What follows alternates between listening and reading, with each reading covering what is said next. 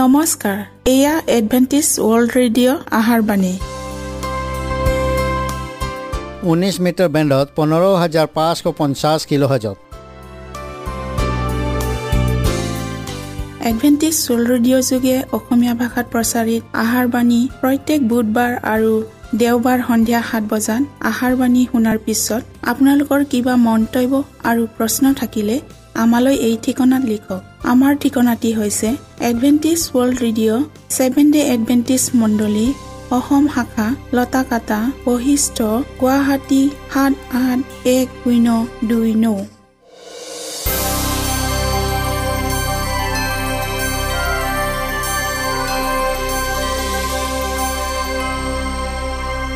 প্ৰিয় শ্ৰোতা বন্ধুসকল এতিয়া শুনো আহক এটি খ্ৰীষ্টীয় ধৰ্মীয় গীত।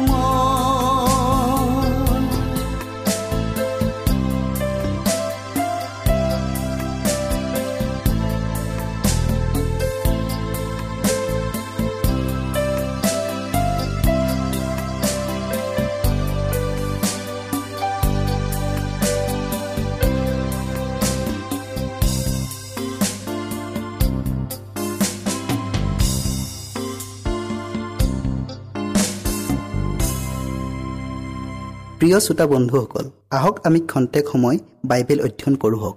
বাইবেল শাস্ত্ৰৰ পুৰণি নিয়ম পঢ়ি বোধ কৰোঁ প্ৰায় আমি আচৰিত হওঁ যে পবিত্ৰ নিবাস আৰু মন্দিৰ আৰু সেই সম্পৰ্কে কৰা যাজকতা কাৰ্যৰ কাৰণে কিয় বাইবেলত সৰহভাগ ঠাই লোৱা হৈছে?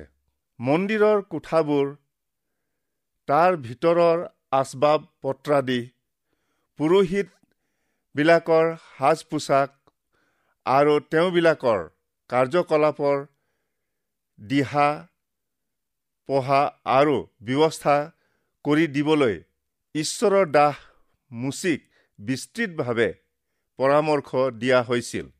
চলোমন ৰজাৰ মন্দিৰ নিৰ্মাণ আৰু সেই মন্দিৰৰ প্ৰতিষ্ঠা কাৰ্য আৰু তাৰ যোগেদি সম্পন্ন হোৱা ঈশ্বৰৰ মনোনীত জাতিৰ আধ্যাত্মিক উন্নতিৰ বিষয়ে আমি পাওঁ।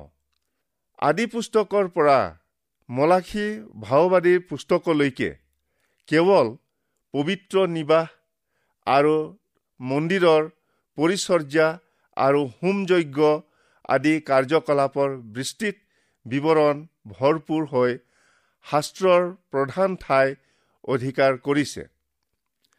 ইছৰাইলবিলাকে যেতিয়া পাপ কৰিছিল তেতিয়া পাপৰ ভয়াৱহ শাস্তি মৃত্যুৰ সন্মুখীন হৈছিল। কিন্তু পাপৰ প্ৰায়চিত্ৰৰ কাৰণে মানুহে নিজৰ জীৱন নিদিয়াকৈও আন উপায়েৰে পবিত্ৰ নিবাসৰ যোগেদি মুক্তি পাবৰ সুযোগ পাইছিল। এই পবিত্ৰ স্থানৰ দুৱাৰমুখলৈ পাপীয়ে এটা চাগ আনি তাৰ মূৰত নিজৰ হাত দিয়ে আৰু পাপ স্বীকাৰ কৰি তাক বলি দিয়ে। পুৰোহিত এজনে বলি দিয়া সেই জন্তুৰ তেজ মন্দিৰৰ বা নিবাসৰ ভিতৰত থকা আৰ কাপোৰ অথবা হোমবলিৰ যজ্ঞবেদীৰ ওপৰত ছটিয়াই দি পাপী লোকজনৰ পাপ পবিত্ৰ নিবাসলৈ বিনিময় কৰি নিয়াত পাপী মানুহজন পাপমুক্ত হৈছিল। প্ৰকৃতপক্ষে এই সকলো যীশুখ্ৰীষ্টই ত্ৰাণকৰ্তা স্বৰূপে যি কাৰ্য কৰি গ'ল সেই ক্ৰুচীয় মৃত্যুৰ দৃষ্টান্তস্বৰূপ আছিল। পুৰণি নিয়মৰ নিবাস তম্বুৰ বলি উৎসৰ্গৰ দ্বাৰাই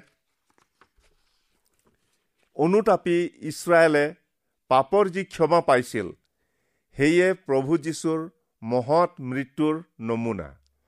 কাৰণ তেওঁৱেহে জগতৰ পাপ নিওতা ঈশ্বৰৰ মেৰ পোৱালী পুৰণি নিয়মৰ যি বলিৰ তেজে বলি দিওঁতাৰ পাপ খণ্ডন কৰিছিল। সেই ৰক্তপাতেই খ্ৰীষ্টীয়ৰ অমূল্য তেজক বুজায়। আমাৰ পাপৰ পৰিত্ৰাণৰ অৰ্থে সেই ৰক্তপাত কৰা হৈছিল। তোমালোকে জানা যে তোমালোকৰ পূৰ্বপুৰুষৰ পৰা চলি অহা অহাৰ আচাৰ ব্যৱহাৰৰ পৰা তোমালোক সোণ ৰূপ আদি ক্ষণীয় বস্তুৰ দ্বাৰাই যে মুক্ত হলা এনে নহয়। নিৰ্ঘুণী আৰু নিষ্কলংক মেৰ পোৱালী স্বৰূপ খ্ৰীষ্টীয়ৰ বহুমূল্য তেজৰ দ্বাৰাইহে মুক্ত হলা। কিন্তু খ্ৰীষ্টে ভাবি মংগলৰ মহাপুৰোহিত স্বৰূপে উপস্থিত হৈ হাতে নকৰা অৰ্থাৎ এই সৃষ্টিৰ নোহোৱা সেই মহত্বৰ আৰু সিদ্ধত্বৰ তম্বুৱেদি গমন কৰি ছাগলীৰ আৰু দামুৰীৰ তেজৰ গুণে নহয়। কিন্তু আপোন তেজৰ গুণে একেবাৰতে পবিত্ৰ স্থানত সোমাই অনন্তকাল স্থায়ী মুক্তি উপাৰ্জন কৰিলে। আমাৰ সুদবিচাৰৰ বিষয়ে আমাক পিতৰৰ বাক্যলৈ আকৰ্ষণ কৰে। কিয়নো ঈশ্বৰৰ গৃহত সুদবিচাৰৰ আৰম্ভণৰ সময় হৈছে। কিন্তু যদি সেয়ে প্ৰথমতে আমাত হয় তেন্তে ঈশ্বৰৰ সুবাৰ্তা নমনাবিলাকৰ শেষ গতি কি হ'ব? তেওঁৰ দ্বিতীয় আগমনৰ বিষয়ে যীশুৱে এইদৰে কৈছিল দেখা মই বেগাই গৈছোঁ যাৰ যেনে কৰ্ম তাক তেনে প্ৰতিফল দিবলৈ মই দিবলগীয়া পুৰস্কাৰ মোৰ লগত আছে। প্ৰকাশিত বাক্যৰ চৈধ্য অধ্যায়ত ঈশ্বৰে শেষৰ দিনৰ অৰ্থে তিনিটা বাণী প্ৰকাশ কৰিছে। আৰু এই তিনিটা বাণীৰে তেওঁ মানুহক সেই সুদবিচাৰৰ কাৰণে প্ৰস্তুত কৰাবৰ ব্যৱস্থা কৰিছে। প্ৰথম সুবাৰ্তাই সুদবিচাৰৰ অনুসন্ধানৰ বিষয়ে উনুকিয়াইছে। পাছে আকাশৰ মাজত আন এজন স্বৰ্গদূতক উৰি ফুৰা দেখিলোঁ। তেওঁ পৃথিৱীত বসতি কৰাবিলাকক অৰ্থাৎ সকলো জাতি ফৈদ ভাষা আৰু লোকবিলাকৰ আগত সুবাৰ্তা প্ৰচাৰ কৰিবলৈ অনন্ত সুবাৰ্তা পাই বৰ মাতেৰে ক'লে ঈশ্বৰক ভয় কৰি তেওঁৰ গৌৰৱ স্বীকাৰ কৰা হওক কিয়নো তেওঁৰ সুদবিচাৰৰ সময় আহিল আৰু সৰ্গ পৃথিৱী সাগৰ জলৰ ভুমুকবোৰ এই সকলোৰে সৃষ্টিকৰ্তাক প্ৰণিপাত কৰা হওক। আমাৰ প্ৰত্যেকজনৰ কৰ্মৰ কাৰণে ঈশ্বৰৰ ইমান সুপৰিচিত যে নাম অনুসাৰে আমি প্ৰত্যেকজনেই তালিকাভুক্ত হৈ আছো। দেওপূজক ৰজা কুৰছৰ সম্বন্ধে তেওঁ এইদৰে কৈছিল যদিও মোক জনা নাই তথাপি মই তোমাৰ নাম ধৰি মাতিলোঁ। দ্বিতীয়তে আমি পাওঁ যে শাৰীৰিক বিশেষ গুণ বা লক্ষণবিলাকৰো বিৱৰণ ৰখা হৈছে। শাস্ত্ৰত কৈছে যেতিয়া মই গুপুতে নিৰ্মিত হৈছিলোঁ যেতিয়া মই পৃথিৱীৰ অধস্থ ভাগত চমৎকাৰ ৰূপে গঠিত হৈছিলোঁ তেতিয়াও মোৰ সংলগ্ন অস্থিবোৰ তোমাৰ আগত লুকোৱা নাছিল। তোমাৰ চকুৱে প্ৰথমে উৎপন্ন হোৱা মোৰ আকাৰ দেখিলে আৰু মোৰ সকলোৱেই তোমাৰ বহীত লিখা আছে। যি কালত সেইবোৰৰ এটিও নাছিল সেই কালত মোৰ সকলো দিন নিৰূপিত হৈছিল। আমি জানো যে কাৰণ ঈশ্বৰে ভাল কি বেয়া আটাই গুপুত বিষয়ে সৈতে সকলো কৰ্ম বিচাৰ স্থানলৈ আনিব। কিয়নো তেওঁ মনৰ গোপনীয় কথা জানে। ধাৰ্মিকবিলাকৰ নাম জীৱন পুস্তকত লিখা হৈছে।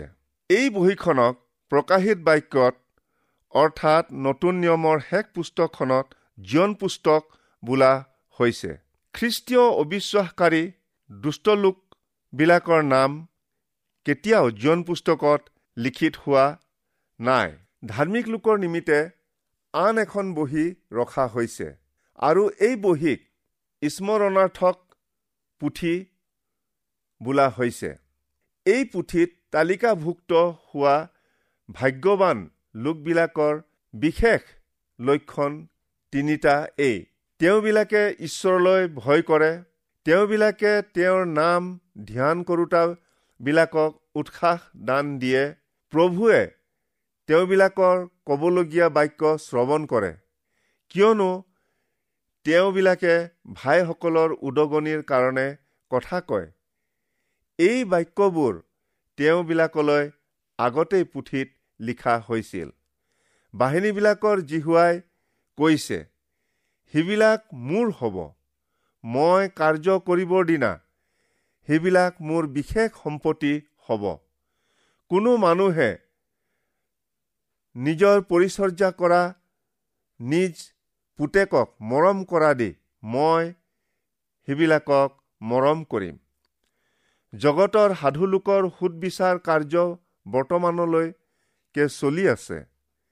গতিকে যি পুথিকেইখন ঈশ্বৰে সাঁচি থৈছে তাৰ সম্বন্ধে জনাটো নিতান্ত প্ৰয়োজন।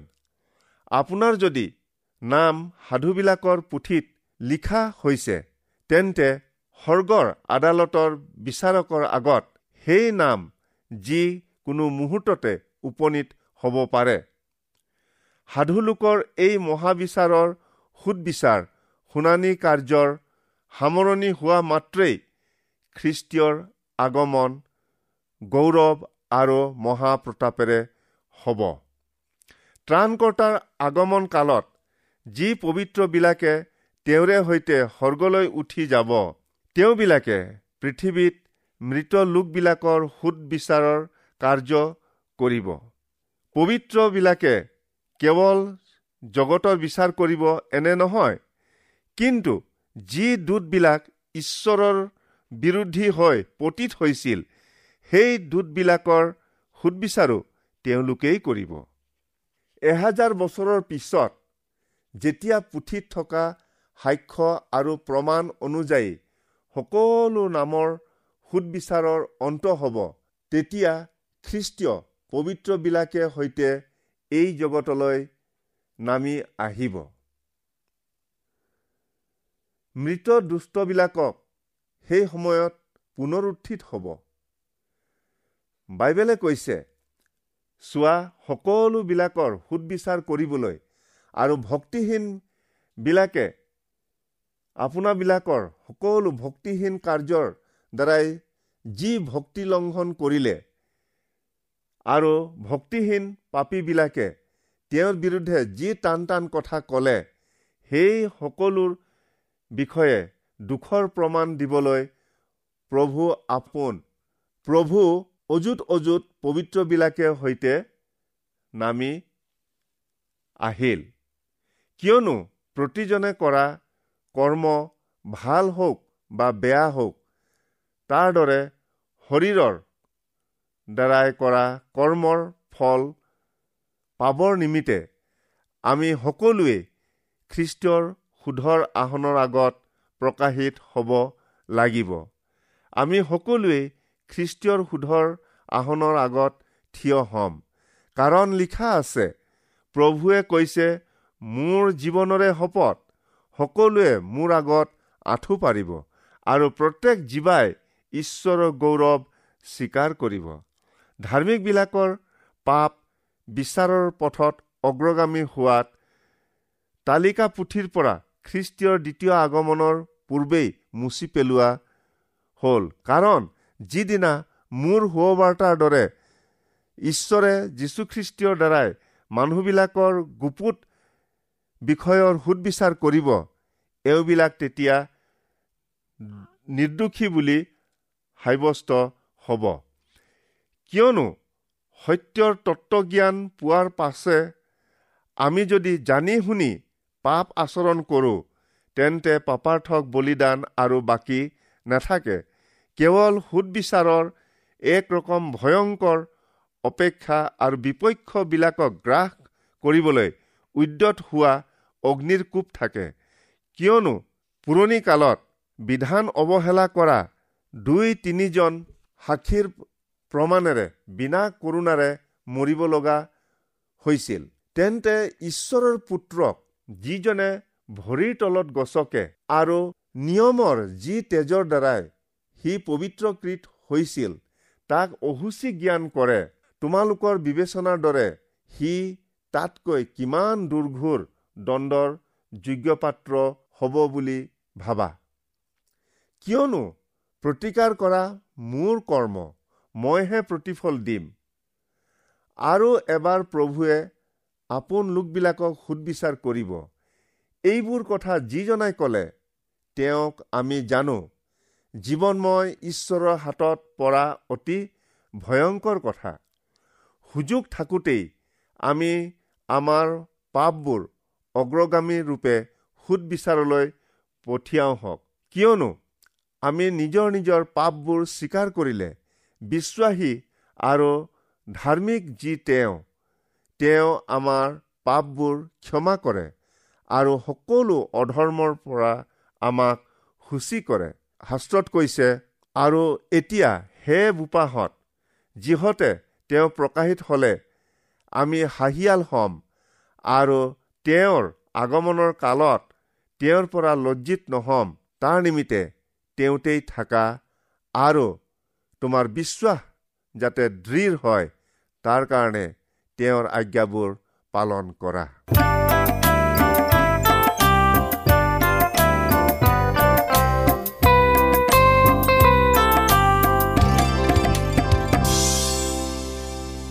ইমানপৰে আমি বাইবেল অধ্যয়ন কৰিলোঁ। এতিয়া আকৌ শুনো আহক এটি খ্ৰীষ্টীয় ধৰ্মীয় গীত।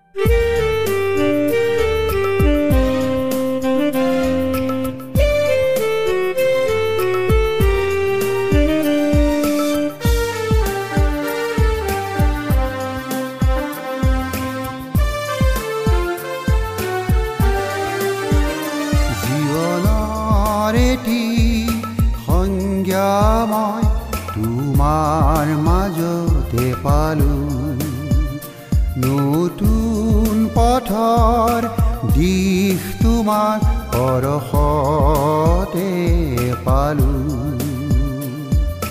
তুমিয়ে মোৰ প্ৰিয় প্ৰভু তুমিয়ে মোৰ প্ৰাণনা।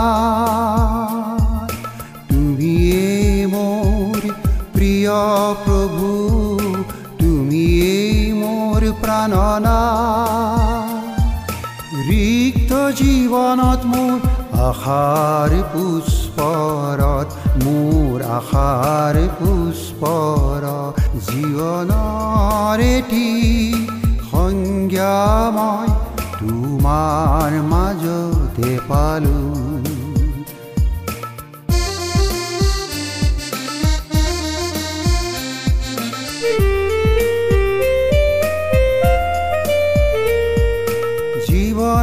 পথত গতি কৰি মই পথ হাৰা যে হলো।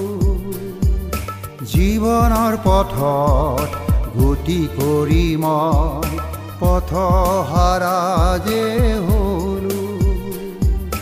বাহুলৈ অহা প্ৰকৃতিলৈ চাই তোমাক বিচাৰি পালোঁ। জীৱনৰ এটি সংজ্ঞা মই তোমাৰ মাজতে পালোঁ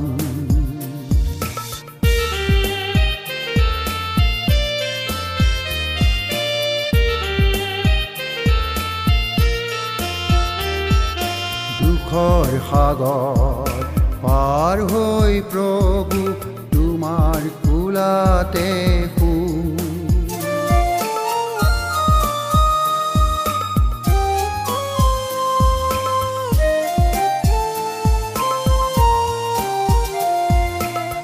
দুখৰ সাগৰ পাৰ হৈ প্ৰভু তোমাৰ কোলাতে শুওঁ আকাশৰ নীলিম বুকুৰ সিপাৰে গৈ তাতে লম বিশ্ৰাম আকাশৰ নীলিম বুকুৰ সিপাৰে গৈ তাতে লম বিশ্ৰাম মোৰ অমানিশা তমসাৰ বন্যা আঁতৰা। নয়নে দেখে যে উজ্জ্বল সি পুৱা উজ্জ্বল সি পুৱা জীৱনৰ এটি সংজ্ঞা মই তোমাৰ মাজতে পালোঁ নতুন পথৰ দিশ তোমাৰ পৰশতে পালোঁ। তুমিয়ে মোৰ প্ৰিয় প্ৰভু তুমিয়ে মোৰ প্ৰাণনা।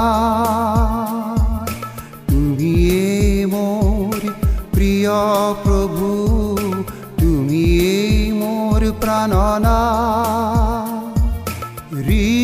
জীৱনত মোৰ আশাৰ পুষ্পৰত মোৰ আশাৰ পুষ্পৰত জীৱনৰ এটি সংজ্ঞা মই তোমাৰ মাজতে পালোঁ মনত ৰাখিব আমাৰ ঠিকনাটি পুনৰ কৈ দিছোঁ। Adventist world radio' Assam region of seven day Adventist voice of hope Lotakata Basistha Guwahati seven eight one zero' two nine প্ৰিয় শ্ৰোতা বন্ধুসকল এডভেণ্টিজ ৱৰ্ল্ড ৰেডিঅ' যোগে আহাৰবাণী প্ৰচাৰত আপোনালোকক পুনৰ লগ পোৱাৰ আহাৰে আজিলৈ সামৰিলোঁ। ধন্যবাদ।